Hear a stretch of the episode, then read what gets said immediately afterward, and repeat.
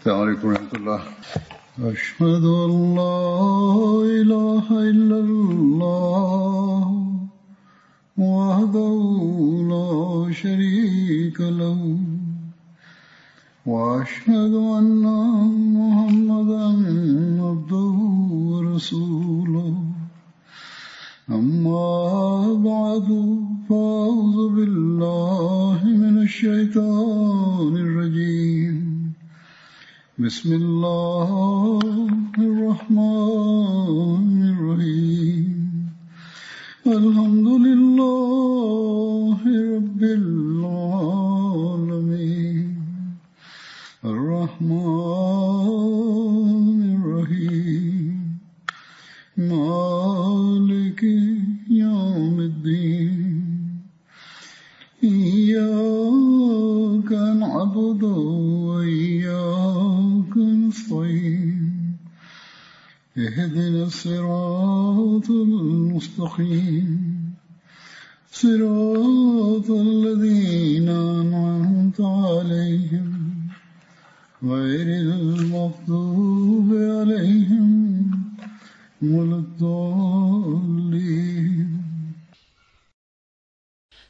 2022ခုနှစ်ဇူလိုင်လ22ရက်နေ့မှာ Hazrat Amirul Mu'minin Khalifatul Masih Al-Khamis Ayyadahullahu Ta'ala bin Nasr Aziz ပြစ်မခလီဖာတခင်ကြီးကပြည်ထိုင်နိုင်ငံအစ္စလာမာဘတ်တယ်ဖိုရှိမူဘာရက်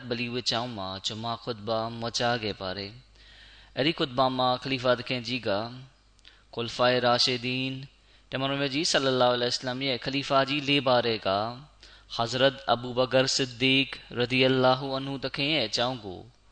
ဆလတ်မကြားတင်ပြခဲ့ပါတယ်။ခလီဖာတခင်ကြီးမိန့်ကြားတော်မူသည်မှာ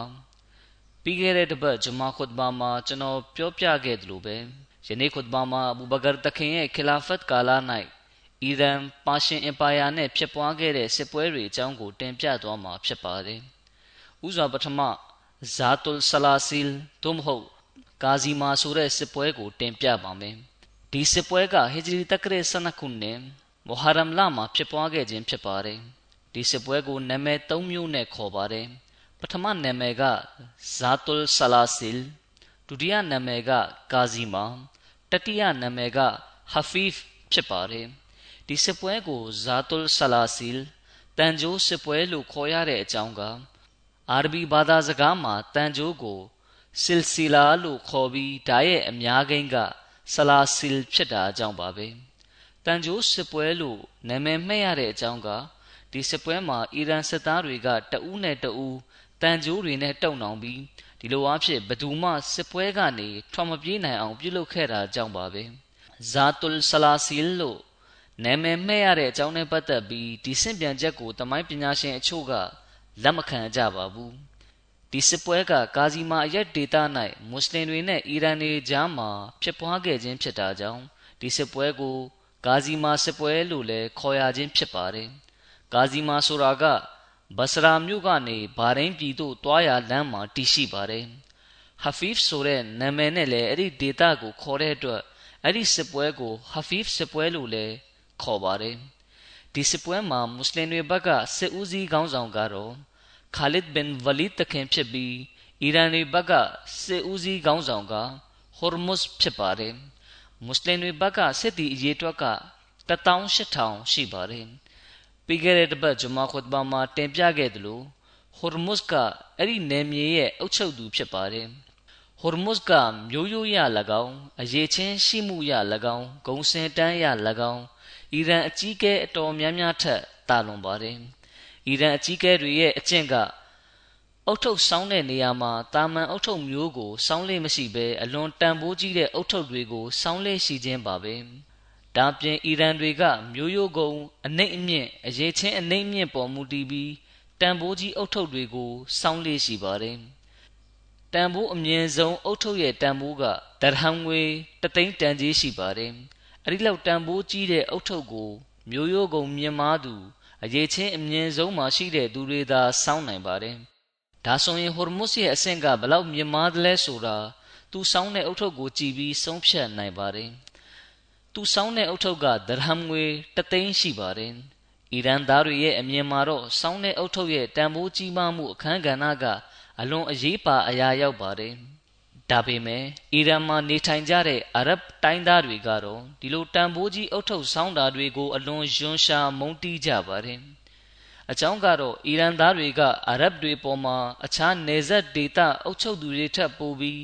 မတရားသဖြင့်ပြင်းထန်ကြမ်းတမ်းရက်ဆက်စွာ ပြုမှုဆက်ဆံတာကြောင့်ပါပဲမွတ်စလင်မဟုတ်တဲ့အရဗ်တွေကအီရန်သားတွေပေါ်မှာဆက်ဆုပ်ယွန်းရှာမုန်းတီးမှုကဘယ်လောက်တောင်ပြင်းထန်တယ်လဲဆိုရင် တစုံတဦးရဲ့စိုးသွမ်းရက်ဆက်မှုအကြောင်းပြောတဲ့အခါဟော်မုစ်နဲ့နှိုင်းယှဉ်ပြီးပြောလေ့ရှိပါတယ်ဥပမာလူတစ်ယောက်ရဲ့စိုးသွမ်းမှုအကြောင်းပြောပြီးဆိုရင်အဲ့ဒီလူကဟော်မုစ်ထက်တောင်ဆိုးသေးတယ်ဘသူကတော့ဖြစ်ဟော်မုစ်ထက်ပိုပြီးတရေဗီဇမကောင်းတဲ့သူဖြစ်တယ်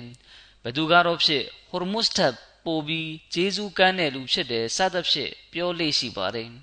ဒီလိုကြောင့်ဟော်မုစ်ကအရဗ်တွေရဲ့မကြာခဏဆိုသလို ရုတ်တရက်တိုက်ခိုက်မှုတွေနဲ့လည်းရင်ဆိုင်ရလေ့ရှိပါတယ်အခြားတစ်ဖက်မှာဟော်မုစ်ရဲ့အာနာဇက်ကအိန္ဒိယပင်လယ်ကမ်းခြေဒေသများထိရောက်ရှိတာကိုတွေ့ရပါတယ်ခါလစ်ဘင်ဝလီတခင်ကယမာမာပြည်ကနေမထွက်ခွာမီဟော်မုစ်ထံသို့စာရေးခဲ့ပါတယ်စာထဲမှာရေးထားတာကအမာဘတ်ကျွန်ုပ်တို့၏အမိန့်ကိုနာခံပါဒီလိုဆိုရင်အသင်ဘေးကင်းလုံခြုံလိမ့်မယ်ဒီ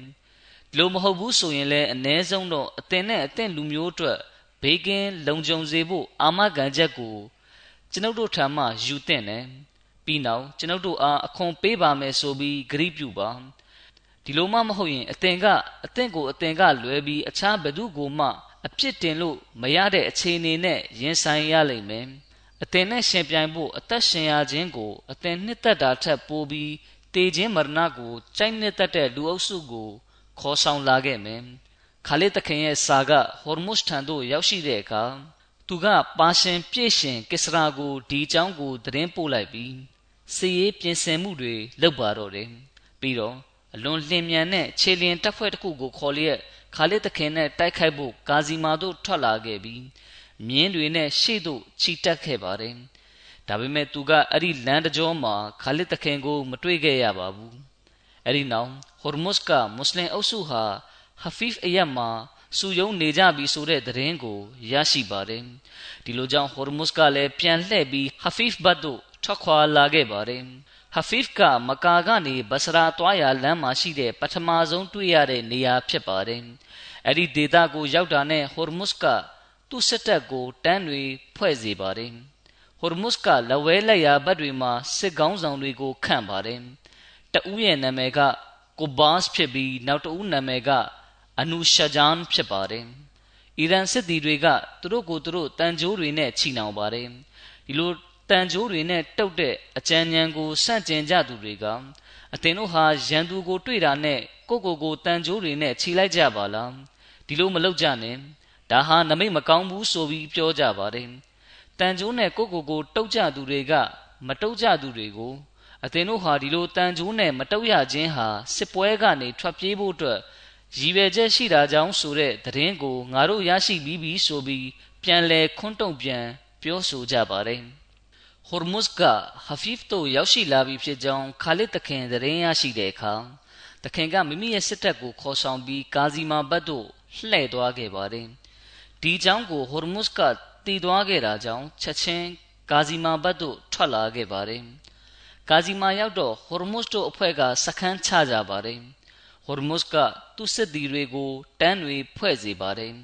ရေရှိယာဘတ်အချမ်းကိုသူတို့ကထိမ့်ချုပ်ထားခြင်းဖြစ်ပါတယ်ခါလစ်တခင်နဲ့အဖွဲ့က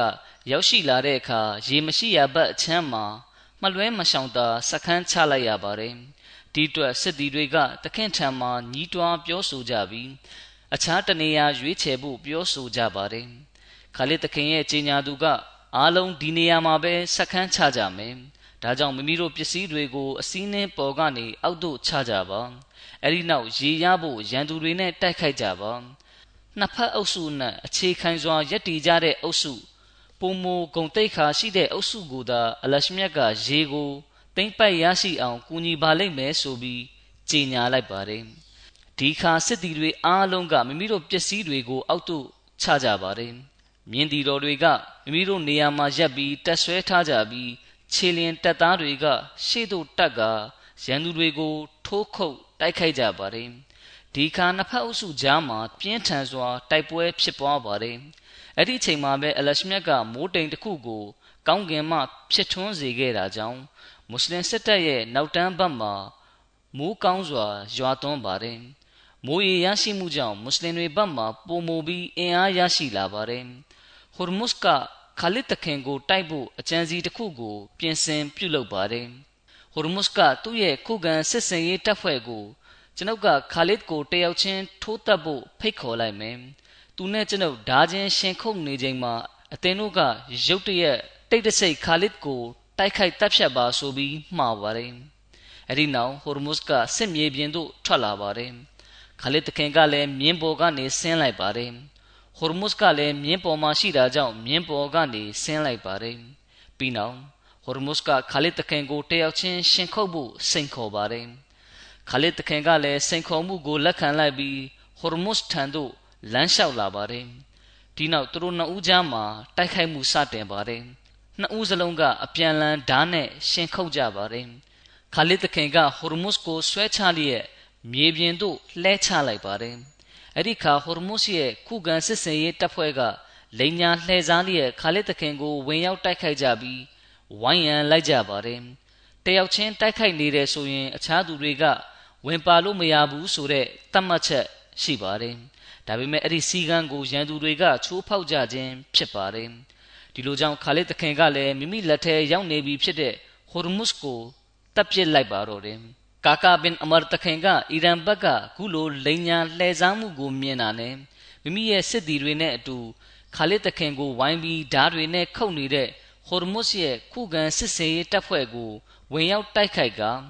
အားလုံးကိုကွက်မြက်ပစ်လျက်တေခြင်းမရဏရဲ့ရင်ခွင်မှာထာဝရအိတ်ဆက်စေခဲ့ပါတယ်။အီရန်သားတွေဟာဒီလိုရှုံးနိမ့်မှုကြောင့်ကစင့်ကလေးအားထွက်ပြေးသွားကြပါတယ်။ထွက်ပြေးသွားတဲ့အထဲမှာအီရန်စစ်သည်တောင်ပန်နှစ်ဖက်ရဲ့ခေါင်းဆောင်တွေဖြစ်တဲ့ ကိုဘာစီယောအနူရှာဂျန်လည်းပါဝင်ပါတယ်။မွတ်စလင်တွေကညအမောင်ထဲမှာထွက်ပြေးသွားတဲ့အီရန်စစ်သည်တွေရဲ့နောက်သို့လိုက်ပါတယ်။ယူဖရေးတီမြစ်တကြောမှာဘဆရာမြို့တည်ရှိပါတယ်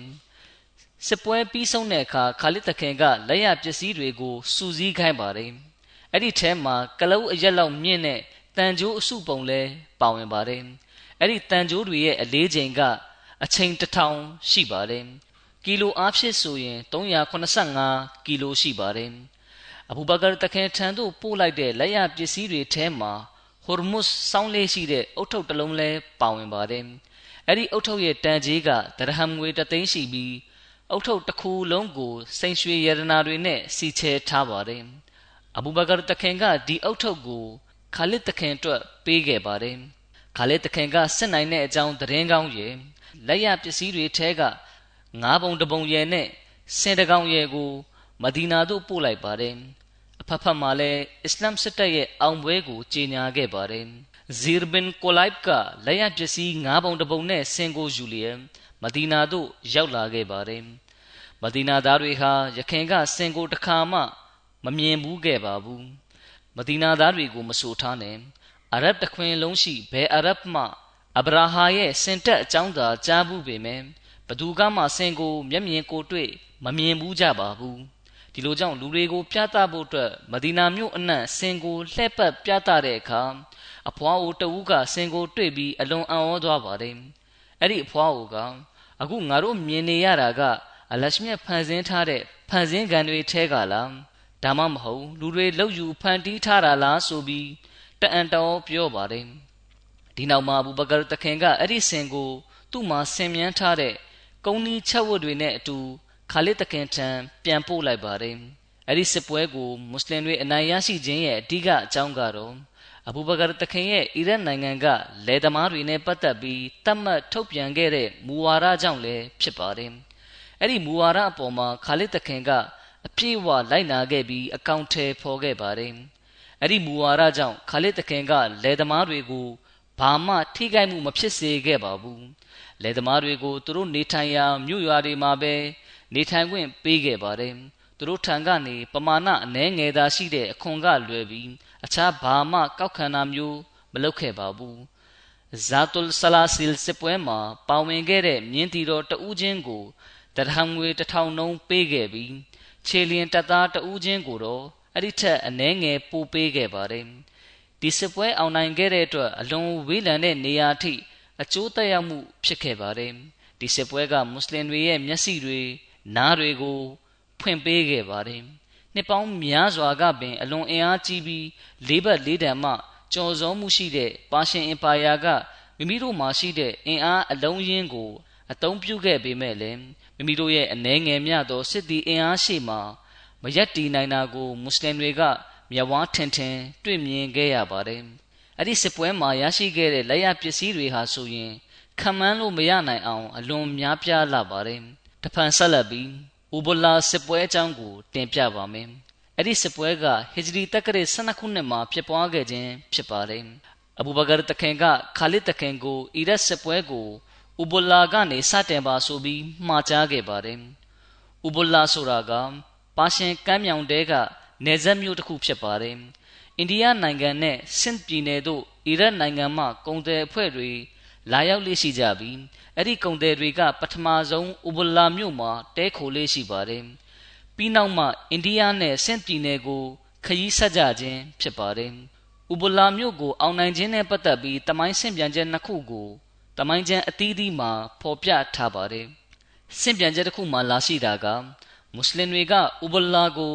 အဘူဘကာတခင်ရဲ့လက်ထက်မှာပထမဆုံးအောင်နိုင်ခဲ့ခြင်းဖြစ်ပါတယ်။ဒါပေမဲ့ဒီမျိုးကနောက်ပိုင်းကာလတွေမှာတဖန်ထပ်ပြီးအီရန်သားတွေရဲ့လက်အောက်သို့ကြာရောက်သွားခဲ့ပါတယ်။ဒီနောက်ဥမာဘင်ခတာဘ်တခင်ရဲ့ခီလာဖတ်ကာလမှာအဲ့ဒီမျိုးကိုမွတ်စလင်တွေကအပြည့်အဝပြန်လည်ထိန်းချုပ်လာနိုင်ခဲ့ပါတယ်။နောက်တစ်ခုဆင့်ပြန်ချက်မှာလာရှိတာကဥဘလာမျိုးကိုဥမာတခင်ရဲ့ခေတ်ကာလမှာအောင်နိုင်သိမ့်ပိုက်ခဲ့ပါတယ်။အလာမာတဘရီကမိမိရေးသားပြုစုတဲ့ကျမ်းမှာ ဥဘလာစစ်ပွဲဖြစ်ပွားခဲ့ပုံအကြောင်းကိုအကျဉ်းချုပ်ရေးသားဖော်ပြထားပါတယ်။တဘရီကျမ်းမှာဖော်ပြလာရှိပါတယ်။အဘူဘကာတခင်ခီလာဖတ်ကာလတွင်ဥဘလာမြို့ကိုအောင်နိုင်ခြင်းအကြောင်းနဲ့ပတ်သက်ပြီးတမိုင်းပညာရှင်များထေရုပတိပညာရှင်များ၏ဆင့်ပြန်ချက်တွင် လာရှိချက်များကိုစန့်ကျင်ကြပါသည်။အကြောင်းဆိုသော၎င်းပညာရှင်များ၏ယူဆချက်အရဥဘလာစစ်ပွဲမှာ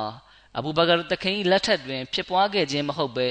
အိုမာတခိန်လက်ထက်ဟီဂျရီတက္ကရာ14ခုနှစ်တွင်ဥတဘာဘင်ဂဇဝမ်တခိန်ဦးဆောင်မှုဖြင့်ဖြစ်ပွားခဲ့သောကြောင့်ဖြစ်ပါသည်အခြားသမိုင်းကျမ်းတွေမှာဥဘလာစစ်ပွဲကြောင်းကိုအခုလိုဖော်ပြထားတာတွေ့ရပါတယ်အချို့သမိုင်းပညာရှင်တွေကဒီစစ်ပွဲဟာအဘူဘကာတခင်ရဲ့လက်ထက်မှာပထမအကြိမ်ဖြစ်ပွားခဲ့တယ်လို့ဆိုကြပြီးအချို့ကတော့ဒီဆိုကိုလက်မခံညင်းပယ်ကြက အိုမာတခင်ရဲ့လက်ထက်မှာပထမဆုံးဖြစ်ပွားခဲ့တယ်လို့ဆိုကြပါတယ်။ဒါပေမဲ့တမိုင်းကျမ်းတွေမှာတော့အဘူဘကာတခင်လက်ထက်မှာရောအိုမာတခင်ရဲ့လက်ထက်မှာပါဥဘလာစစ်ပွဲနဲ့ဥဘလာမြို့ကိုတင်ပိုက်ခဲ့တဲ့အကြောင်းဖော်ပြထားတာတွေ့ရပါတယ်။ဒါအဖြစ်အဘူဘကာတခင်ရဲ့လက်ထက်မှာပထမကြိမ်ဥဘလာစစ်ပွဲဖြစ်ပွားခဲ့ပြီးမြို့ကိုတင်ပိုက်နိုင်ခဲ့ကြောင်းဒါပေမဲ့နောက်ပိုင်းမှာအီရန်သားတွေရဲ့ရေလမ်းကြောင်းကနေ စစ်ကူတွေရောက်ရှိလာမှုကြောင့်အိုဘလာမျိုးသားတွေကမွတ်စလင်တွေကိုစန့်ကျင်ပုန်ကန်လျက်မွတ်စလင်တွေလက်ကနေလွတ်လပ်မှုကိုရယူခဲ့ကြကြောင်းအဲ့ဒီနောက်အိုမာတခင်ရဲ့ခလာဖတ်ကာလရောက်ရှိလာတဲ့အခါနောက်တစ်ကြိမ်ထပ်ပြီးအိုဘလာကိုတိုက်ခိုက်ခဲ့ကမြို့ကိုသိမ်းပိုက်နိုင်ခဲ့ခြင်းဖြစ်ကြောင်းသိရှိရပါတယ်မိတို့ဆိုစေအိုဘလာစစ်ပွဲအကြောင်းကိုအကျယ်တဝင့်တင်ပြပါမယ်ဇာတုလ်ဆလာဆီလ်စစ်ပွဲပြီးနောက်မှာ ခါလစ်တခင်ကမုဆနာတခင်ကိုစစ်ရှုံးလို့ထွက်ပြေးသွားတဲ့ပါရှင်စစ်သည်တွေရဲ့နောက်သို့လိုက်စေပါတယ်။တဘာရီခါလစ်တခင်ကမအကလ်တခင်ကိုလက်ရပစ္စည်းတွေစူးစီးဖို့တုံပန်းအကျဉ်းသားတွေကိုဖမ်းဆီးချုပ်နှောင်ဖို့ဥဘလာတို့စေပို့ခဲ့ပါတယ်။ဒီလိုကြောင့်မအကလ်ကလည်းခါလစ်တခင်အမိန့်ရှိတဲ့အတိုင်းဥဘလာတို့တွားရောက်ခဲ့ပြီးလက်ရပစ္စည်းတွေနဲ့တုံပန်းတွေကိုစုယုံခဲ့ပါတယ်။ နောက်ပိုင်းဥမာတခင်ရဲ့ခီလာဖတ်ကာလမှာဥဘလာမြို့ကိုအောင်နိုင်ခဲ့ပါတယ်။ဆက်လက်ပြီးဥဘလာမြို့ကိုအောင်နိုင်တဲ့အကြောင်းတင်ပြပါမယ်။ဥမာတခင်ကဥတဘာဘင်ဂဇဝမ်တခင်ကိုဟီဂျရီတက္ကရာ15ခုနှစ်ဒုမဟုတ်16ခုနှစ်မှာဘဆရာမြို့သို့ဆေလွတ်ခဲ့ပါတယ်။အဲ့ဒီမှာဥတဘာတခင်ကတလတိုင်နေထိုင်ခဲ့ပါတယ်။အဲ့ဒီတောတွင်းမှာဥဘလာသားတွေကဥတဘာတခင်နဲ့အဖွဲ့ကိုတိုက်ခိုက်ဖို့ထွက်လာကြပါတယ်။ ဥဘလာသားတွေကအရဗ်မဟုတ်တဲ့စစ်သည်ဥယေ900ပါဝင်ဖွဲ့စည်းထားတဲ့စစ်တပ်တစ်ခုဖြစ်ပါတယ်။ဥတဘာသခင်တဲ့အဖွဲ့ကသူတို့ကိုပြန်လည်ခုခံတိုက်ခိုက်ပါတယ်။ပြီးနောက်သူတို့ကိုအနိုင်ရခဲ့ပါတယ်။အဲ့ဒီကတဆင့်ဥတဘာသခင်တဲ့အဖွဲ့ကအီရန်မြို့ထဲသို့ဝင်ရောက်ခဲ့ကြပါတယ်။ပြီးနောက်ဥတဘာသခင်ကမိမိနဲ့စစ်တပ်ရှိရာသို့ပြန်လာခဲ့ပါတယ်။အလရှမြတ်ကပါရှင်တို့ရဲ့စိတ်မှာကြောက်စိတ်ကိုထည့်သွင်းခဲ့ပြီးသူတို့ကမြို့ထဲကနေ ထွက်ခွာသွားခဲ့ကြပါတယ်။သူတို့ကဥစ္စာပစ္စည်းအနှဲငယ်ကိုယူလျက်တင်းမောစီပြီးမြစ်ကိုဖြတ်ကာထွက်သွားခဲ့ကြပါတယ်။သူတို့ထွက်ခွာသွားတဲ့အတွက်တမျိုးလုံးကလူသူကင်းမဲ့သွားခဲ့ပါတယ်။ဒီခါမှာမွတ်စလင်တွေကမြို့ထဲသို့ဝင်ရောက်ခဲ့ကြပါတယ်။အဲ့ဒီမှာမွတ်စလင်တွေကဥစ္စာပစ္စည်းအတော်များများနဲ့လက်နက်တွေအပါအဝင်အခြားပစ္စည်းအတော်များများကိုလည်းရရှိခဲ့ပါတယ်။ဒါ့အပြင်တုံပန်းတွေကိုလည်းရရှိခဲ့ပါတယ်။ ဒီဥစ္စာပစ္စည်းအားလုံးရဲ့၅ပုံတစ်ပုံကို ထုတ်ပြီးကျန်တဲ့၄ပုံကိုစစ်ပွဲထဲမှာပါဝင်ကြတဲ့စစ်သည်တွေကို ခွဲဝေပေးခဲ့ပါတယ်။အဲ့ဒီစစ်ပွဲမှာမွတ်စလင်တွေရဲ့စစ်သည်အရေးတွက်က300ဖြစ်ပါတယ်။ဒီနောက်တဖန်မဇာစစ်ပွဲအကြောင်းကို တင်ပြပါမယ်။ဒီစစ်ပွဲကဆဖာလာဟဂျရီတက္ကရာ12ခုနှစ်မှာဖြစ်ပွားခဲ့ခြင်းဖြစ်ပါတယ်။မဇာဆိုတာကအီရတ်နိုင်ငံတဲကပြည်နယ်တစ်ခုဖြစ်ပါတယ်။ မဇာနဲ့ဘစရာမြို့ကြားမှာလေးရကြာခရီးရှိတဲ့အတိုင်းတာကွာဝေးပါတယ်။အဲ့ဒီစစ်ပွဲဖြစ်ပွားကန်ဒီမှာလူတွေရဲ့နှုတ်ဖျားထက်၌ဆဖာလာရောက်တော့မီထိုလာတွင်စိုးသွမ်းတောင်းကျမ်းသူတိုင်းနှင့်မတရားပြုသူတိုင်းအသက်ခံရလိမ့်မည်။ပမာဆိုသောမြစ်တို့စုံစည်းရာမြစ်စုံနေရာကဲ့သို့မတရားလုပ်သူတို့အဆုလိုက်ပြုံလိုက်အသက်ခံရမည်ဆိုပြီးပြောနေခဲ့ကြပါတယ်။ဟိုရ်မုစ်ကဇာတုလ်ဆလာစီလ်စစ်ပွဲမှာ ခါလစ်ဘင်ဝလီတခင်နဲ့ရှင်ပြိုင်တိုက်ခိုက်ချိန်၌မိမိရဲ့ဘရင်ဖြစ်သူကစ္စရာထံသို့စစ်ကူပေးဖို့စာရေးခဲ့ပါတယ်။ကစ္စရာကလည်းစစ်ကူတက်ဆင်လွတ်ဖို့စစ်သူကြီးကာရင်ဦးဆောင်တဲ့စစ်ကူတက်တစ်ခုကိုဆင်လွတ်ခဲ့ပါတယ်။အဲ့ဒီစစ်ကူတက်ကကူညီဖို့ထွက်ခွာလာကားစပဲရှိသေးချိန်ဇာတုလ်ဆလာဆီလ်မာဟိုရ်မုစ်အသက်ခံရပြီးသူ့ရဲ့စစ်တပ်လည်းစစ်ရှုံးသွားကြောင်းသတင်းကိုရရှိခဲ့ပါတယ်။တပြိုင်တည်းမှာပင် ဟိုရ်မုစ်ရဲ့စစ်ရှုံးသွားတဲ့စစ်သည်အဖွဲ့ဝင်တွေနဲ့လည်းမဇာရက်မှာကာရင်ရဲ့တက်နဲ့စုံစည်းပါတယ်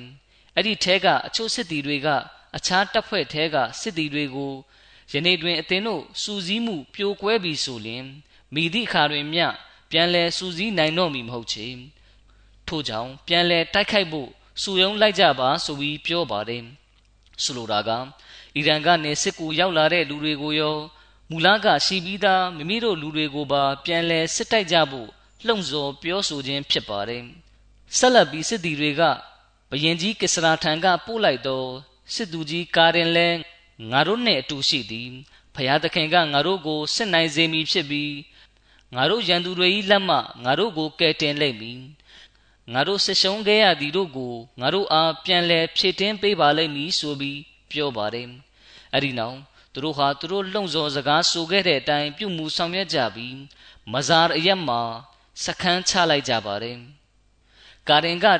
တပ်ဖွဲ့ခွဲတွေမှာဇာတုလ်ဆလာစီလ်၌ထွက်ပြေးသွားခဲ့ကြတဲ့ကိုဘတ်နဲ့အနူရှာဂျန်ကိုခေါင်းဆောင်ဖြစ်ခန့်အပ်ပါတယ်။ပါရှင်သားတွေဘက်ကဒီလိုစည်ရေးပြင်ဆင်နေတဲ့အကြောင်းကိုမုဆနာသခင်က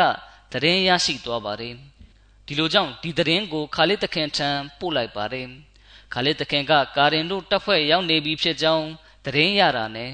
ဇာတုလ်ဆလာစီလ်တိုက်ပွဲမှာရရှိခဲ့တဲ့လက်ရပစ္စည်းတွေကိုဂျီဟာဒ်ဆင်နွဲသူတွေထဲမှာခွဲဝေပေးလိုက်ပါတယ်။လက်ရပစ္စည်းထဲမှာနောက်ထပ်၅ပုံတဲကကြန့်ရှိတဲ့၄ပုံကိုလည်းခွဲဝေပေးပြန်ပါတယ်။လက်ရပစ္စည်း၅ပုံတဲကတပုံနဲ့စစ်နိုင်ကြောင်းသတင်းကောင်းကိုအဘူဘကာတခင်ထံပို့လိုက်ပါတယ်။ဒါပြင်ဇာတုလ်ဆလာစီလ်တိုက်ပွဲမှာရန်သူဘက်ကထွက်ပြေးသွားတဲ့ စစ်တပ်နဲ့ကာရင်ဥဆောင်ပြီးထက်ရောက်လာတဲ့စစ်တပ်အသစ်စသူတို့ကတနေရာမှာပူးပေါင်းပြီးပြန်လဲတိုက်ခိုက်တော့မယ့်အကြောင်းကိုလည်းအဘူဘကာတခင်ထံသတင်းပေးလိုက်ပါတယ်။အဲ့ဒီနောက်ခါလစ်တခင်ကရှေ့တန်းသို့ထွက်ခွာလာပြီးမဇာအရက်မှာကာရင်ရဲ့တပ်နဲ့တိုက်ခိုက်ဖို့ပြင်ဆင်ပါတယ်။ခါလစ်တခင်ကမဇာအရက်သို့ရောက်တဲ့အခါမိမိရဲ့စစ်သည်တွေကိုတန်းဖွဲ့စေပါတယ်။နှစ်ဖက်စစ်တပ်ကြားမှာပြင်းထန်စွာတိုက်ပွဲဖြစ်ပွားပါတယ်။ နှစ်ဖက်စလုံးကအကြဆုံးရှိကြပါတယ်။ကာရင်ကလည်းသူ့ဂုံတိတ်ခါအတွက်စစ်တလင်းတို့ထွက်ပြီးတိုက်ပါတယ်။သူနဲ့ရှင်တိုက်ဖို့အတွက်ခါလစ်တခင်နဲ့မာကယ်တခင်တို့ကရှေ့သို့တက်ပါတယ်နှစ်ဦးစလုံးကကာရင်ထံသို့အပြေးနှင်ပြီးတိုက်ခိုက်ကြပါတယ်မာကယ်တခင်ကခါလစ်တခင်ထက်ဦးပြီးကာရင်ထံသို့ရောက်ရှိကတခုံထိုးတိုက်ခိုက်ပါတယ်အဲ့ဒီနောက်ကာရင်ကိုတပ်ပစ်လိုက်ပါတယ်အာဆမ်တခင်ကအနုရှဂျန်ကို၎င်း အဒီတခင်ကကိုဘတ်ကို၎င်းတပ်ပစ်ခဲ့ပါတယ်အီရန်ဘက်ကခေါင်းဆောင်၃ဦးအသက်ခံရပြီးနောက်မှာအီရန်သားတွေဟာဇွဲလုံးလကြာဆင်းသွားခဲ့ပြီးစိတ်သက်ကြလျက်စစ်မြေပြင်ကနေထွက်ပြေးတိမ်းရှောင်သွားကြပါတယ်။အဲ့ဒီစစ်ပွဲမှာအီရန်ဘက်ကစစ်သည်အရေးအတွက်အတော်များများအသက်ခံခဲ့ရပါတယ်။ထွက်ပြေးလွတ်မြောက်သွားကြသူတွေကလည်းတင်းမောတွေစီးပြီးထွက်ပြေးသွားကြခြင်းဖြစ်ပါတယ်။အဲ့ဒီနောက်ခါလစ်တခင်က မဇာရအရက်မှာပဲတဲခိုနေထိုင်ခဲ့ပါတယ်။ဘလောက်ပဲတန်ဖိုးနဲသည်ဖြစ်စေများသည်ဖြစ်စေအသက်ခံရသူတွေရဲ့ပစ္စည်းဥစ္စာတွေကို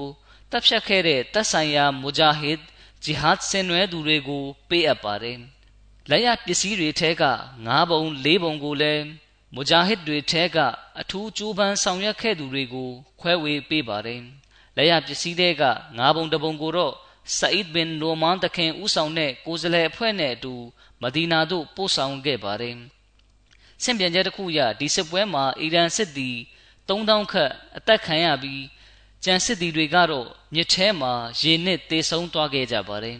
။ရေနစ်တဲ့ထဲမှာတယောက်မှမလွတ်ခဲ့ဘူးဆိုပြီးတမိုင်းကျမ်းတွေမှာဖော်ပြလာရှိပါတယ်။ထွက်ပြေးလွတ်မြောက်သွားကြသူတွေကလည်းအလွန်တုန်လှုပ်ခြောက်ခြားသွားကြပြီးမိမိတို့ရဲ့ဥစ္စာပစ္စည်းတွေအားလုံးကိုထားရက်ကထွက်ပြေးသွားကြတာဖြစ်ပါတယ်။ ဒီစစ်ပွဲမှာပါဝင်တိုက်ခိုက်ခဲ့ကြသူတွေနဲ့အီရန်စစ်တပ်ကိုကူညီအားပေးကြသူတွေကို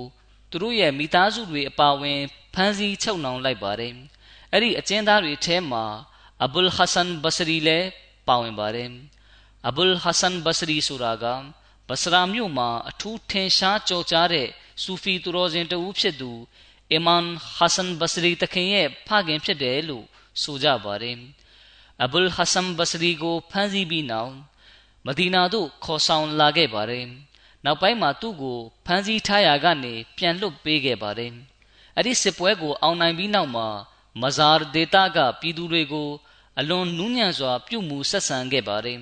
။လယ်သမားတွေနဲ့ပြည်သူတွေကိုဘလို့ဒုက္ခမှမရောက်စေဘဲအနှဲငယ်မြသောအခွန်သာပေးဆောင်ဖို့အမိန့်ထုတ်ပြန်ခဲ့ပါတယ်။သူတို့ပိုင်မြေမှာပဲနေထိုင်စေခဲ့ပါတယ်။ခါလစ်တခင်က အဲ့ဒီကိစ္စတွေအားလုံးကိုဆောင်ရွက်ပြီးနောက်မှာအောင်နိုင်သိမ့်ပိုက်ပြီးဖြစ်တဲ့နယ်မြေဒေသတွေကိုစီမံခန့်ခွဲရေးဘက်သို့အာယုံဆိုင်လောက်ကင်ပါတယ်။ခါလစ်တခင်ကအခွန်ကောက်ခံဖို့အတွက်ခေါင်းဆောင်တွေကိုခန့်အပ်ပါတယ်။အောင်နိုင်သိမ့်ပိုက်ပြီးသောနယ်မြေဒေသတွေဖြစ်တဲ့ခဖီဖ်ဂျီဆရူလ်အာဇမ်အကြီးဆုံးတရားစတာတွေကို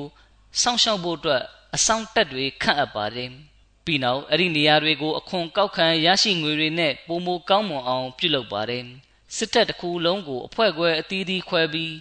စစ်နိုင်နယ်မြေတွေမှာရန်သူတွေဝင်ရောက်တိုက်ခိုက်မှုမရှိအောင်တိုက်ခိုက်လာရင်လည်းအကောင်းဆုံးပြန်လည်ခုခံတိုက်ခိုက်နိုင်အောင်စောင့်ကြရမယ့်တာဝန်တွေကိုအသီးသီးခန့်အပ်ပေးရပါတယ်။ခါလစ်တခင်ရဲ့စီမံကိန်းနဲ့စစ်ဗျူဟာကဘယ်လောက်တောင်ကောင်းသလဲဆိုရင်အီရန်ထဲသို့ဝင်ရောက်တိုက်ခိုက်တပ်ဆွဲတာနဲ့တင် အီရန်ဘရင်ကစ္စရာရဲ့အင်အားကချိနေစပြုလာပါတော့တယ်။၎င်းတို့ရဲ့ဇွဲလုံးလားနဲ့တတ္တိကကြာဆင်းလာခဲ့ပြီးစိတ်သက်ကြလာပါတော့တယ်။မဇာရအရက်မှာဖြစ်တဲ့စစ်ပွဲက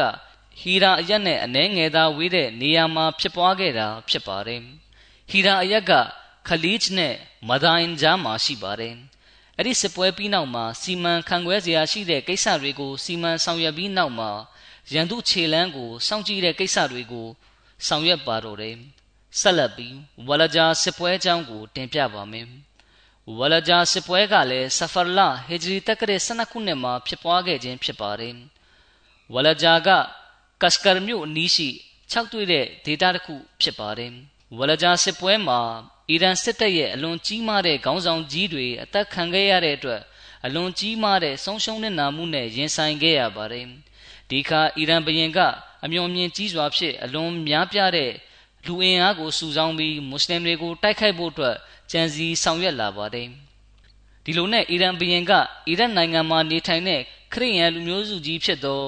ဘကာဘင်ဝိုင်လ်ထဲကလူတွေကိုအီရန်နေပြည်တော်သို့ဆင့်ခေါ်လိုက်ပါတယ်။ပြီးနောက်သူတို့ကိုမွတ်စလင်တွေနဲ့တိုက်ခိုက်ဖို့တွေးထိုးလှုံ့ဆော်ပေးပါတယ်။ဒါပြင်ကစ္စရာကစစ်တပ်တစ်ခုကိုလည်းဖွဲ့စည်းပေးပါတယ်။ အဲဒီစစ်တပ်ကိုဦးစီးဦးဆောင်ပြုဖို့ထင်ရှားကြော်ကြားတဲ့မြင်းတီတော်တဦးဖြစ်သူအန်ဒါဇကာကိုတာဝန်ပေးခဲ့ပါတယ်။အဲဒီစစ်တပ်ကဝလဂျာဘတ်တို့ခြိတက်လာပါတယ်။အီရတ်မှာခရစ်ယာန်ဘာသာဝင်ဘကာဘင်ဝိုင်ဆိုတဲ့လူမျိုးစုကြီးနေထိုင်ပါတယ်။အဒရှိအကရစ်ကသူတို့ကိုမိမိကိုကူညီဖို့တောင်းဆိုပါတယ်သူတို့အတွက်စစ်တပ်တစ်ခုကိုပြင်ဆင်ပေးပြီးမွတ်စလင်တွေကိုထိုးစစ်ဆင်တိုက်ခိုက်ဖို့အတွက်ဝလဂျာဘတ်တို့ စစ်လွတ်ခဲ့ပါတယ်ဟီရာနဲ့ကတ်စကာမာနေထိုင်သူတွေပါဝင် အနီးပတ်ဝန်းကျင်မြို့ကလူတွေဒါပြင်လယ်သမားတွေကလည်းစစ်တပ်နဲ့ပူးပေါင်းခဲ့ပါတယ်ဒီတိုက်ပွဲကိုတိုက်ခိုက်ခဲ့ပေမဲ့မွတ်စလင်တွေကိုအပြတ်သက်အနိုင်ရသွားခြင်းမရှိသလိုအရဗ်ပိုင်နယ်မြေကိုလည်းခရီးယန်တွေကထိမ့်ချုပ်နိုင်ခြင်းမရှိတာကြောင့်မိမိတို့ရဲ့စစ်သူကြီးဖြစ်သူဘာဟမန်ဂျာဇဗီယာကိုအလွန်များပြားတဲ့စစ်သည်ဥယေနဲ့အတူဘကာဘင်ဝိုင်လူမျိုးစုရဲ့နောက်ကနေ လိုက်သွားဖို့ဆေးလွတ်လိုက်ပါတယ်သူတို့ရဲ့စစ်တပ်ကအလွန်ကြီးမားသွားတဲ့အကြောင်းဘာဟမန်ကသိရှိတဲ့အခါသူကခါလစ်ဘင်ဝလီတခင်ကိုတိုက်ခိုက်ဖို့ဆုံးဖြတ်လိုက်ပါတယ်ခါလစ်တခင်ကပါရှင်တပ်သားတွေဝလဂျာမှာစုယုံနေကြပြီဖြစ်ကြောင်းသတင်းရရှိတဲ့အချိန်မှာခါလစ်တခင်ကဘစရာမြို့အနီးမှာရှိနေပါတယ်ခါလစ်တခင်ကပါရှင်စစ်တပ်ကိုဘတ်သုံးဘက်ကနေဝင်ရောက်တိုက်ခိုက်ရမယ်ဆိုပြီးစဉ်းစားမိပါတယ် ဒီလိုအဖြစ်ရန်သူအင်အားစုပြိုကွဲသွားစေဖို့ပဲဖြစ်ပါတယ်ဒါပြင်ဒီလိုရုတ်တရက်ရှောင်းတခင်တိုက်ခိုက်မှုကြောင့်ပါရှင်စစ်တပ်ကတုံလုတ်ခြောက်ခြားသွားစေဖို့အတွက်ဖြစ်ပါတယ်ဒီလိုကြောင့်ခါလစ်တခင်ကဆိုအိုက်ဘင်မုကရင်ကိုမိမိနေရာမှာကိုယ်စားလှယ်ဖြစ်ခန့်အပ်ပြီးသူ့ကိုခဖီဖ်အရက်မှာပဲနေဖို့အမိန်ပေးခဲ့ပါတယ်။ပြီးနောက်မှာခါလစ်တခင်ကတိုက်ကြိတ်မြကမ်းမှာထားရခဲ့သူတွေထံသို့လိုက်သွားပါတယ်။ ခါလစ်တခင်ကမိမိစစ်သည်တွေကိုရန်သူတွေကိုအမြဲစောင့်ကြည့်နေပြီးသူတို့ရဲ့လက်ကွက်ထဲမှာမမိစေဖို့မှာကြားထားခဲ့ပါတယ်။အဲဒီနောက်ခါလစ်တခင်ကစစ်သည်တွေကိုခေါ်ပြီးဝလဂျာတို့ထွက်ခွာလာခဲ့ပြီးရန်သူတွေနဲ့သူတို့ကိုကူညီနေတဲ့စစ်အင်အားစုရှိရာသို့ရောက်ရှိလာခဲ့ပါတယ်။အဲဒီနောက်နှစ်ဖက်အုပ်စုကြားမှာအလွန်ပြင်းထန်စွာတိုက်ပွဲဖြစ်ပွားပါတယ်။ခါလစ်တခင်ကစစ်တပ်ရဲ့လက်ဝဲလက်ရာနှစ်ဖက်စလုံးမှာ မူဂျာဟစ်တွေရဲ့အကူအညီနဲ့ကဒုတ်ချင်းတွေတူးပါတယ်။အဲ့ဒီကဒုတ်ချင်းတွေကိုတူးတဲ့တပ်ဖွဲ့ဝင်တွေကရန်သူတွေကိုတိုက်ခိုက်ကြပါတယ်။ဒီခါမှာအီရန်သားရန်သူတွေကတောက်မခံနိုင်တော့ဘဲစစ်ရှုံးပြီးထွက်ပြေးကြပါတယ်။ခါလစ်တခင်ကတပ်ဆွဲထားရာရှေးဘက်စီကနေအစောကကဒုတ်ချင်းတူးကြတဲ့တပ်ဖွဲ့နှစ်ခုနဲ့တစ်ခုကဝင်ရောက်လာပြီးအနောက်ဘက်စီကနေနောက်တစ်ဖွဲ့ကဝင်ရောက်လာကဝိုင်းရန်လိုက်ပါတယ်ဘယ်လောက်တောင်တင်းကျပ်စွာဝိုင်းရန်လိုက်တယ်လဲဆိုရင် ထွက်ပြေးစရာလွတ်လန်းမရှိတော့တာကြောင့်မိမိတို့အဖော်စစ်သည်တွေအသက်ခံရတာကိုတောင်ဂယုမဆိုင်နိုင်တော့တဲ့အခြေအနေအထိဖြစ်လာပါတယ်နောက်ဆုံးရန်သူခေါင်းဆောင်လည်းအသက်ခံရပါတယ်ခါလစ်တခင်ကလယ်သမားတွေအထက်ကဘသူကိုမှတပ်ဖြတ်ခဲ့ခြင်းမရှိပါဘူးစစ်ထဲမှာပါဝင်တိုက်ခိုက်ကြသူတွေသူတို့ရဲ့သားသမီးတွေနဲ့အပေါင်းပါတွေကိုသာဝိုင်းရန်လိုက်တာဖြစ်ပါတယ်။တာမန်အများပြည်သူကိုတော့အခွန်ပေးဆောင်ဖို့နဲ့ လက်အောက်ခံဖြစ်ခံယူဖို့ကိုသာတိုက်တွန်းခဲ့ပါတယ်။ဒါကိုပြည်သူတွေကလည်းလက်ခံခဲ့ကြပါတယ်။တဖန်ဆက်လက်ပြီးအိုလိုက်စစ်ပွဲအကြောင်းကိုတင်ပြပါမယ်။အိုလိုက်စစ်ပွဲကဆဖရလာဟီဂျရီတက္ကရာ12ခုနှစ်မှာပဲဖြစ်ပွားခဲ့ခြင်းဖြစ်ပါတယ်။အိုလိုက်ကလည်းအီရတ်နိုင်ငံထဲကမြို့တစ်ခုဖြစ်ပါတယ်။ခါလစ်တခင်ရဲ့လက်ထဲမှာဘကာဘင်ဝိုင်လူမျိုးစုနဲ့အီရန်သားတွေပေါ်ကျရောက်တဲ့တံဝေကယူပွဲအရှုံးကိုကြည့်ပြီးသူတို့နဲ့ဘာသာတူခရိယန်တွေက ဒေါသအမျက်ချောင်းချောင်းထွက်ကြပါတယ်။အီရန်သားတွေနဲ့ဒီခရိယန်တွေကြားမှာအပြန်အလှန်စာရေးဆက်သွယ်ကြပါတယ်။အဲ့ဒီနောက်အိုလိုက်စ်မြို့မှာစုံစည်းကြဖို့သဘောတူခဲ့ကြတာနဲ့အညီအိုလိုက်စ်မှာစုံစည်းခဲ့ကြပါတယ်။၎င်းတို့ရဲ့ခေါင်းဆောင်ဖြစ်အဗ်ဒุลအစ်ဝတ်အီဂျလီကိုခန့်အပ်ခဲ့ပါတယ်။ဒီလိုနဲ့အီရန်ဘရင်ကဘာဟမန်ဂျာဇဗီယာကိုအသင်စစ်တပ်ခေါ်ပြီးအိုလိုက်စ်တို့တွားပါအာရဗ်နဲ့ပါရှင်ကြားမှာစုနေသည့် လူအုပ်စုနဲ့တွားရောက်ပူးပေါင်းပါဆိုပြီးစာရေးခဲ့ပါတယ်ဒါပေမဲ့ဘာဟမန်ကသူကိုယ်တိုင်စစ်တပ်နဲ့လိုက်သွားပြီးဘရင်ပြောတဲ့နေရာမှာပူးပေါင်းခဲ့တာမျိုးမရှိပဲသူ့ကိုယ်စားကြော်ကြားတဲ့စစ်သူကြီးတဦးဖြစ်သူယာဘန်ကိုဆစ်လွတ်လိုက်ပါတယ်ဘာဟမန်ကယာဘန်အားလူတွေရဲ့စိတ်ထဲမှာစစ်တိုက်ခြင်းစိတ်ဖြစ်လာအောင်လှုံ့ဆော်ပါဒါပေမဲ့ငါမလာမချင်းစစ်တိုက်တာမျိုးမလုပ်ပါနဲ့သူတို့ဘက်ကစာပြီးတိုက်လာရင်တော့အတင်တို့ပြန်လဲတိုက်ခိုက်နိုင်တယ်ဆိုပြီး မှားလွတ်လိုက်ပါတယ်ယာဘန်ကလည်းအိုလိုက်မြို့သို့ခြိတက်လာပါတယ်ဘာဟမန်ကအီရန်ဘရင်အဒ်ရှီရ်ထံသို့တွားရောက်ပြီးနှီးနှောတိုင်ပင်ပါတယ်ဘရင်ထံရောက်တဲ့အခါဘရင်ကနာမချမ်းဖြစ်နေတာကိုတွေ့ရပါတယ်ဒါကြောင့်ဘာဟမန်ကဘရင်ကိုပြုစုစောင့်ရှောက်ပြီးယာဘန်ထံသို့ဘာလမ်းညွန်ချက်ကိုမှမပုတ်ပြတော့ပါဘူးဒီလိုကြောင့်ယာဘန်တဦးတည်းကစစ်တပ်ကိုခေါ်လျက်ရှေတန်းသို့ထွက်လာခဲ့ပြီးဆဖာလမှာအိုလိုက်မြို့သို့ရောက်ရှိလာပါတယ် နေရာဒေသအသီးသီးနဲ့အရဗ်နယ်စပ်ဒေသတွေမှာရှိတဲ့ခရိယန်တွေကယာဘန်နဲ့ပေါင်းစည်းခဲ့ကြပါတယ်ခါလစ်တခင်ကခရိယန်တွေရဲ့ခုလိုစုပေါင်းမှုသတင်းကိုရရှိတဲ့အခါသူတို့နဲ့တိုက်ခိုက်ဖို့စစ်တပ်ကိုခေါ်ပြီးထွက်လာပါတယ်ဒါပေမဲ့ယာဘန်ကလည်းမွတ်စလင်တွေရှိရာအနီးဆုံးနေရာသို့ရောက်ရှိလာပြီးဆိုတာကိုတော့ခါလစ်တခင်ကမသိရှိခဲ့ပါဘူးခါလစ်တခင်ကအရဗ်ခရီးယန်တွေနဲ့တိုက်ခိုက်ဖို့အတွက်ရောက်လာခြင်းဖြစ်ပါတယ်ဒါပေမဲ့အိုလိုက်စ်မှာယာဘန်နဲ့ ထိတ်တိုက်သွားဆုံပါတော့တယ်ယာဘန်ကအိုလိုက်စ်တို့ရောက်ရှိလာချိန်မှာအရဗ်မဟုတ်သူတွေကယာဘန်ကိုစစ်စတင်တိုက်မှာလားဒါမှမဟုတ်စစ်သည်တွေကိုအစားအစာအရင်ကျွေးမှာလားအစာစားပြီးမှရန်သူတွေနဲ့စစ်တိုက်ရမလားလူကြီးမင်းဘယ်လိုသဘောရတယ်လဲဆိုပြီးမေးပါတယ်ယာဘန်ကရန်သူကအသင်တို့ကိုစတင်မတိုက်ခိုက်မချင်းအသင်တို့နှုတ်ဆက်နေပါကျွန်ုပ်ထင်တော့ရန်သူကရုတ်တရက်ကျွန်ုပ်တို့ကိုတိုက်ခိုက်ပါလိမ့်မယ် အသင်တို့ကိုအစာစားချိန်တောင်သူတို့ကပေးမှာမဟုတ်ဘူးဆိုပြီးပြောပါတယ်ဒီလူတွေကယာဘာန်ရဲ့စကားကို နားမထောင်ကြပဲစားပွဲတောက်ပွဲကိုစတင်လှုပ်ဆောင်ပါတော့တယ်ပြီးနောက်အားလုံးစုပြီးအစာစားခြင်းထဲမှာအာယုံရောက်သွားကြပါတော့တယ်ခါလစ်တခင်ကရန်သူအနီးသို့ရောက်ပြီးစခန်းချပါတယ်စစ်သည်တွေကိုတင်ဆောင်လာတဲ့ပစ္စည်းတွေချဖို့အမိန်ပေးပါတယ်ဒီကိစ္စတွေကိုလမ်းညွှန်ဆောင်ရွက်ပြီးနောက်ရန်သူဘက်သို့အာယုံစိုက်ပါတယ် ခါလစ်တခင်ကမိမိရဲ့စစ်တပ်ကိုလုံခြုံဘေးကင်းစေဖို့အတွက်အထူးစောင့်ရှောက်ရေးတပ်ကိုဖွဲ့ပါတယ်ပြီးနောက်ခါလစ်တခင်ကရန်သူစီးနာထိတွားပြီးအဘဂျရ်ဘမာလင်အဗ်ဒุลအစဝတ်ဘမာလင်မာလစ်ဘင်ကိုက်စ်ဘမာလင်စသဖြင့်မေးပါတယ်မာလစ်ကလွဲပြီးကျန်သူအားလုံးကကြောက်စိတ်ကြောင့်နှုတ်ဆက်နေကြပါတယ်မာလစ်ကခါလစ်တခင်နဲ့တဦးချင်းတိုက်ခိုက်ဖို့ထွက်လာပါတယ်ခါလစ်တခင်ကမာလစ်ကို ကျွန်ုပ်နာမည်ခေါ်တဲ့လူတွေထဲမှာအသင်တယောက်တည်းကပဲဘာကြောင့်ကျွန်ုပ်နဲ့တိုက်ခိုက်ဖို့ထွက်လာရတာလဲဘယ်ရာကကျွန်ုပ်နဲ့တိုက်ဖို့အသင်ကိုလှုံ့ဆော်ခဲ့တာလဲအသင်မှာကျွန်ုပ်ကိုရှင်ဖို့ခွန်အားဘယ်မှာရှိလို့လဲလို့မေးပြီးခါလစ်တခင်ကဓာတ်နဲ့ဝင်ခုတ်ပါတယ်ပြီးနောက်သူ့ကိုတပ်ပြက်လိုက်ပါတယ်ဒီလိုနဲ့ရန်သူတပ်သားတွေဟာဘာမှမစားရသေးခင်မှာပင် စားတောက်ရာနေရာကနေဖယ်ရှားတုတ်တင်ခြင်းကိုခံခဲ့ရပါတယ်ယာဘန်က သူ့လူတွေကိုအစာမစားနဲ့အောင်ဆိုပြီးငါပြောခဲ့တယ်မဟုတ်လားရခင်ကဘယ်စစ်တပ်နဲ့မှငါတို့မကြုံဘူးတဲ့တုံလုတ်ခြောက်ချားမှုကိုငါတို့ခံစားနေရပြီဆိုပြီးပြောပါတယ်သူတို့ကအစာစားဖို့အချိန်နေမပေးတော့တဲ့အခါမိမိတို့မှာခွန်အားဘယ်လောက်ရှိကြောင်းဘယ်လောက်တတ်သိရှိကြောင်းကြွားဝါဖို့အတွက်အခုတော့ကျွန်ုပ်တို့အစာမစားသေးဘူးမွတ်စလင်တွေကနေဝေးသွားပြီးမှပဲစားတော့မယ်ဆိုပြီးပြောကြပါတယ်ယာဘန်က အသင်တို့ကဒီအစားအစာတွေကိုရန်သူတွေစားဖို့ပြင်ဆင်ထားသလားတောင်ထင်မိတယ်ဆိုပြီးပြောပါတယ်ဆိုလိုတာကရန်သူတွေကိုအသင်တို့အနိုင်ရပြီးနောက်မှအစာပြန်စားမယ်ဆိုပြီးမထင်ကြနဲ့အသင်ရှုံးလိမ့်မယ်အသင်တို့အသက်သေးကြလိမ့်မယ်ဘယ်တော့မှဒီအစားအစာကိုစားခွင့်ရမှာမဟုတ်ဘူးလို့ပြောခြင်းဖြစ်ပါတယ်ယာဘန်ကအသင်တို့နားမလဲကြဘူးဒီတော့ငါပြောတာကိုနားထောင်ပါအစာထဲမှာအစိတ်ခတ်ထားလိုက်ပါ အသင်တို့နိုင်ခဲ့မယ်ဆိုရင်ဒီစာတွေကိုစွန့်ပစ်လိုက်ရလို့လဲဆုံးရှုံးမှုကဘာမှမပြောပလောက်ပါဘူးအကယ်၍ရန်သူကအနိုင်ရခဲ့ရင်အသင်တို့ကရန်သူတွေအခက်တွေ့စေမဲ့ကိစ္စကိုလှုပ်ဆောင်ခဲ့ပြီးဖြစ်ပါလိမ့်မယ်အသင်တို့ရဲ့ရန်သူကအသင်တို့ကိုအနိုင်ရလိမ့်မယ်ဆိုတာအခိုင်အမာယုံကြည်နေကြတယ်ဆိုပြီးထပ်ပြောပါတယ် ဒါပေမဲ့သူတို့ကတော့ယာဘန်ပြောတဲ့စကားကိုနားမထောင်ကြပဲအစာထဲမှာအစိတ်ခတ်ဖို့မလိုဘူးငါတို့အေးအေးဆေးဆေးဒီစစ်ပွဲကိုအနိုင်ရလိမ့်မယ်ပြီးမှစားတောက်ကြမယ်လို့သာပြောကြပါတယ်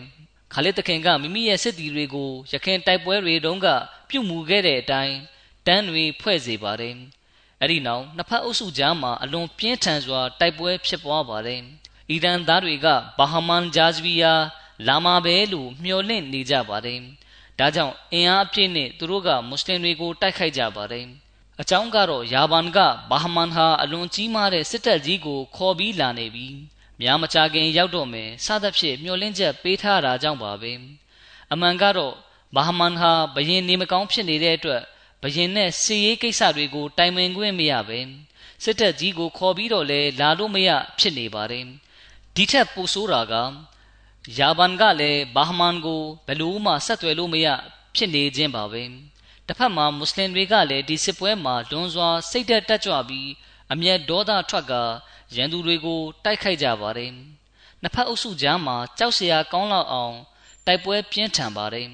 အီရန်စစ်သည်တွေရဲ့စိတ်အားတက်ကြွမှုနဲ့မွတ်စလင်တွေရဲ့အင်အားချိနဲ့မှုအကြောင်းကိုဖော်ပြလျက်တမိုင်းဆရာတဦးကရေးပါတယ်အီရန်စစ်တပ်ထဲကခရိယန်တွေက ဥစွာမွတ်စလင်တွေကိုတိုက်ခိုက်သည်သို့သော၎င်းတို့၏ခေါင်းဆောင်မာလစ်ဘင်ကိုက်စ်အသက်ခံလိုက်ရသည်မာလစ်အသက်ခံရသည်နှင့်နောက်လိုက်စစ်သည်များမှာတုံလှုပ်ခြောက်ခြားသွားကြသည်ထိုခြေနေကိုမြင်ရသောအခါယာဘန်ကအီရန်တပ်သားတွေကိုရှေ့သို့တက်၍တိုက်ရန်တင်ပေးလိုက်သည်အီရန်တပ်ကလည်းဘာဟမန်ကစစ်ကူခေါ်ပြီးလာနေပြီဆိုသည့်မျှော်လင့်ချက်ရှိတာကြောင့်အင်းနဲ့အားနဲ့တတိရှိရှိတိုက်ခိုက်ကြလေသည် မွတ်စလင်တို့ကလည်းမဆုတ်မနစ်သောဇွဲဖြင့်အကြိမ်ကြိမ်တိုက်ခိုက်ကြသည်သို့သောအီရန်တပ်သားတွေကမွတ်စလင်တို့တိုက်ခိုက်လာသည့်အခါတိုင်းတွင် အမြင့်ဆုံးသောဇွဲတတိဖြင့်မအောင်မြင်အထမမြောက်အောင်လှုပ်ဆောင်နိုင်ခဲ့သည်နောက်ဆုံးတွင်ခါလစ်တခင်ကမွတ်စလင်တွေဘက်မှရုပ်ပိုင်းဆိုင်ရာအကြောင်းကံများနှင့်စစ်လက်နက်များမပြည့်စုံမှုကိုမြင်ရကာလက်နှစ်ဖက်ကိုမြှောက်လျက်အလွန်ကျိုးနုံနှိမ့်ချစွာဖြင့်အလရှမြတ်ထံတော်တွင်ဒွါဆူတောင်းလေသည်။ အိုးလာရှင်မြတ်ကျွန်တော်မျိုးတို့အားရန်သူတို့ပေါ်အောင်နိုင်လွှမ်းမိုးမှုကို ပေးသနာတော်မူပါလင်ကျွန်တော်မျိုးသည်ရန်သူတဦးတယောက်ကိုမျှအသက်ရှင်ထားမည်မဟုတ်ပါထိုမြစ်ပြင်ကျဲသည်ရန်သူသွေးဖြင့်ရဲရဲနီးရလိမ့်မည်အခြားသမိုင်းကျမ်းတွေမှာတော့ခါလစ်တခင်ကအခိုင်မာတန်ဋိဌံပြုတစ္ဆာဆိုခဲ့ပြီးရန်သူတွေကိုအနိုင်ရလျင်တဦးတယောက်ကိုမျှအရှင်ထားမည်မဟုတ်ဟုဆိုခဲ့ကြောင်းဖော်ပြထားသည်ထိုသည့်နောက်တွင်ခါလစ်သခင်ကစစ်ဗျူဟာကိုအသုံးပြုလျက် မိမိတပ်သားများကိုလက်ဝဲလိုက်ရာတစ်ဖက်စီမှအီရန်စစ်သည်တို့၏အနောက်ဘက်မှဝင်ရောက်တိုက်ခိုက်ရန်အမိန့်ပေးလိုက်သည်ထိုနည်းဖြင့်တိုက်ခိုက်မှုကြောင့်အီရန်စစ်သည်တို့မှာကစင့်ကလျာဖြစ်သွားကြပြီးကြောက်အားလန့်အားဖြင့်ထွက်ပြေးသွားကြလေသည်ထို့သောဖြင့်ရန်သူတို့သည်ထွက်ပြေးတိမ်းရှောင်ခြင်းသို့မဟုတ်လက်နက်ချခြင်းမှာသာမိမိတို့အတွက်အသက်ချမ်းသာရာရနိုင်မည်ကိုသိရှိသွားကြသည်ထိုသည့်နောက်ခါလစ်သခင်ကရန်သူတွေကိုဖမ်းဆီးပြီး တုံပန်းဖြင့်ပြုကြဖို့အမိန်ပေးလိုက်သည်ထို့နောက်စစ်တိုက်သူမအပအခြားမိသူကိုမျှမတက်ရန်အမိန်ပေး၏ခလီဖာသခင်ကြီးမိန့်ကြားတော်မူပါတယ်ဒီစစ်ပွဲအကြောင်းနဲ့ပတ်သက်ပြီးကျွန်တော်တို့ဂျမတ်ကသူတေဒီတဦးရဲ့လေ့လာတွေးရှိချက်တစ်ခုကိုလည်းဖော်ပြပါမယ်ကျွန်တော်လည်းဒါကိုကြည့်ရှုပြီးပါပြီဒါကပိုပြီးမှန်ကန်နိုင်ပါတယ်ဒီအကြောင်းကိုတေပရီတမိုင်းကျမ်းမှာရောအခြားတမိုင်းဆရာတွေကလည်းဖော်ပြကြပါတယ် ခါလစ်တခင်ကမိမိတောင်းခံခဲ့တဲ့ဆူတောင်းမှာပြုခဲ့တဲ့ဂရီးသစ္စာနဲ့အညီတနေ့နဲ့တညအကျဉ်းသားတွေကိုကွပ်မျက်ပြီးသူတို့ရဲ့သွေးတွေကိုမြစ်ထဲသို့မျှောပါတယ်ဒီလိုအားဖြင့်ဂရီးသစ္စာပြုခဲ့တဲ့အတိုင်းမြစ်ရည်နီမြန်းသွားစေဖို့ပါပဲအဲ့ဒီမြစ်ချောင်းကိုယနေ့ချိန်ထိတိုင်နဟရေဒမ်သွေးချောင်းလို့ခေါ်တာဖြစ်ပါတယ်ဒါပေမဲ့ဒီချက်ကမှန်ကန်တယ်လို့ယူဆလို့မရပါဘူးဆိုလိုတာကတုံပန်းတွေကိုတတ်ပြီးသူတို့ရဲ့သွေးတွေကို ချောင်းထဲမျောခဲ့တယ်ဆိုတာမဖြစ်နိုင်ပါဘူး။တမိုင်းဆရာတွေကအစ္စလမ်ပေါ်မှာမလို့မုန်းထားသူတွေရဲ့စင့်ပြန်ချက်တွေကိုယူပြီးမိမိတို့တမိုင်းစာအုပ်တွေမှာထည့်သွင်းရေးသားခဲ့တာဖြစ်နိုင်ပါတယ်။ဒီလိုအဖြစ်အစ္စလမ်ပေါ်မလို့မုန်းထားကြသူတွေကလိန်ညာလှည့်စားပြီးကြည်ကြမွတ်စလင်တွေဟာလူတွေပေါ်ဘလောက်တောင်မတရားပြုခဲ့ကြသလဲဖမ်းမိထားတဲ့တုံပန်းတွေကိုတောင်တပ်ပစ်ကြတယ်စသဖြင့်ဝါဒဖြန့်ဖို့အတွက်ဖြစ်ပါတယ်တကယ်ဖြစ်ခဲ့ရင်လည်းအဲ့ဒီခေတ်ကတတ်မှတ်ထားတဲ့ စစ်ဘက်ဆိုင်ရာလှုပ်ထုံးလုံနည်းနဲ့ဥပဒေရဖြစ်ပါလိမ့်မယ်အမှန်အဖြစ်အစ္စလမ်စစ်ပွဲတွေမှာဒီလိုတစ်ခါမှဖြစ်ခဲ့ဘူးတာမျိုးမရှိပါဘူးတမိုင်းစင်ပြန်ချက်တွေအရအဲ့ဒီစစ်ပွဲမှာရန်သူဘက်ကအသက်ခံရသူထောင်တောင်းမကရှိပါတယ်ဒါပေမဲ့အဲ့ဒီအသက်ခံရသူအားလုံးကစစ်ဖြစ်နေချိန်မှာအသက်ခံရသူတွေကြီးပါပဲခါလစ်တခင်ကဲ့သို့သောစစ်သူကြီးကိုကြည့်မယ်ဆိုရင်လည်းတခင်ကလက်နက်ချသူမှန်သမျှဒါမှမဟုတ် အမိတ်နာခံလာသူမှန်သမျှကို ခွင့်လွတ်ခဲ့တာကြီးပဲဆိုတာကို တွေ့ရပါတယ်။တမိုင်းဆရာတွေတင်ပြသလိုခါလစ်တခင်ကတတ်ခဲ့တဲ့လူတွေဆိုတာကလည်းအသေးချာလေးလာစုံစမ်းကြည့်တဲ့အခါအဲ့ဒီလူတွေဟာတေတံပေးဖို့ထိုက်တဲ့သူတွေဖြစ်နေတာကို တွေ့ရတာကြောင့်ပဲတတ်ခဲ့ခြင်းဖြစ်ပါတယ်။မိတို့ဖြစ်စေအထက်ပေါ်ပြပါဖြစ်ရက်ကိုကြည့်မယ်ဆိုရင်အဲ့ဒီဖြစ်ရက်ကလောက်ကျန်ဖန်တီးထားကြောင်းသိနိုင်ပါတယ်အကြောင်းကတော့ တမိုင်းဆရာတွေကစစ်ပွဲတွေအကြောင်းကိုအသေးစိတ်ဖော်ပြကြပြီးအသေးဖွဲအကြောင်းအရာတွေကိုတောင်ဖော်ပြကြတာကြောင့်ပါပဲဒါပေမဲ့တမိုင်းဆရာချို့ကဒီဖြစ်ရက်ကိုမိမိတို့စာအုပ်တွေမှာလုံးဝကိုဖော်ပြထားခြင်းမရှိပါဘူးဒီလိုမိမိတို့စာအုပ်တွေမှာမဖော်ပြရတာကဒီအကြောင်းအရာဟာလောက်ကျန်ဖန်တီးထားတဲ့အကြောင်းအရာဖြစ်တာကြောင့်ပါပဲတမိုင်းဆရာတဦးကလွတ်လပ်တဲ့အတွေးခေါ်နဲ့တမိုင်းအချက်လက်တွေကိုတင်ပြခြင်းဖြစ်ပါတယ် ဝေဖန်စောရကပြုစီရာဖြစ်တဲ့အကြောင်းကိစ္စတွေကိုလက်လွတ်မခံဘဲရေးလေးရှိတဲ့တမိုင်းဆရာတွေကတောင်ဒီဖြစ်ရနဲ့ပတ်သက်ပြီးခုလိုရေးသားကြပါတယ်စင့်ပြန်သူများကဤဖြစ်ရက်ကိုစင့်ပြန်ခြင်းဖြင့်ခြေကားပြောဆိုခြင်းကိုအဆုံးစွန်အထိပြုလုပ်ခဲ့ကြသည်ယင်းမှာခါလစ်ကအစ္စလမ်ရန်သူများကိုအဘယ်မျှအကြမ်းဖက်ကွပ်မျက်သည်ဆိုလျင်ယင်းကိုကာကာနှင့်သူ၏အပေါင်းဖော်များကမကြည့်ရနိုင်ကြဟု၏ ဒီတိုင်းပဲနောက်ထပ်တမိုင်းပညာရှင်တယောက်ကလည်းဒီဖြစ်ရက်ကိုဖော်ပြလျက်ရေးသားပါတယ်ခါလစ်ကအစ္စလမ်ရန်သူတို့အပေါ်တွင်ခတ်ထန်မှုရှိသည်မှာမှန်တော်လဲထိုများလောက်ကြမ်းကြုတ်ရက်ဆက်ခဲ့သည်တော့မဟုတ်ချေနောက်တစ်ယောက်တမိုင်းပညာရှင်ကလည်းရေးပါတယ်ခါလစ်ကခရိယန်စစ်သည်များကိုခုတ်ပိုင်းပြီးအီရန်တပ်သားများကိုတွေးသားဖြစ်ဖွဲ့စည်းတိဆောက်ထားသူများမဟုတ်ဘဲ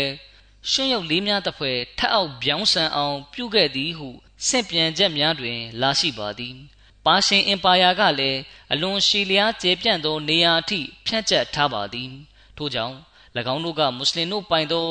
နယ်နိမိတ်များကိုမိတို့အတွင်းသို့သိမ်းပိုက်လိုက်သည်ထို့သောဖြင့်မွတ်စလင်တို့၏လေးပတ်လေးတန်တွင်အီရန်များနှင့်အရဗ်ခရီးယန်များကလွှမ်းမိုးလာပြီးအင်အားအပြည့်စိတ်အားထက်သန်စွာတိုက်ခိုက်ကြလေသည်မွတ်စလင်တို့ကတံပြန်တိုက်ခိုက်သောစိတ်သက်အင်အားမျိုးခရီးယန်များတွင်မရှိပါကြ ထိုချိန်တွင်မွတ်စလင်တပ်သားတဦးချင်းကကြောက်မက်ဖွယ်ကောင်းသောခြင်သေးများအတွင်သို့ကူးပြောင်းသွားသည်မွတ်စလင်တို့ကအင်းနှင့်အားနှင့်ခရီးယန်တို့အားတိုက်ခိုက်ကြပြီးဓားများဖြင့်ဇက်တိုက်ခုတ်ပိုင်းကြသည်အီရန်သားတို့ကလည်းမွတ်စလင်တို့အားထိခိုက်ဒဏ်ရာရအောင်ပြုလုပ်ကြပြီးတပ်ဖြတ်ကြသည်များလည်းရှိပါသည်သို့သောမွတ်စလင်တို့ကအနှဲငယ်သာတိုက်ပွဲကြပြီးရန်သူဘက်ကများစွာတေဆုံးကြပါသည် မွတ်စလင်တပ်သားတဦးကဒဏ်ရာရလျင်ပိုပြီးစိတ်သက်အာမန်နှင့်တိုက်ခိုက်ပါသည်ပါရှင်သားတို့သည်အပေအမျှများပြားစွာတေဆုံးကြသည်ဆိုလျင်စစ်တလင်းတစ်ခုလုံးသူတို့၏အလောင်းများဖြင့်ပြည့်နှက်သွားပါသည်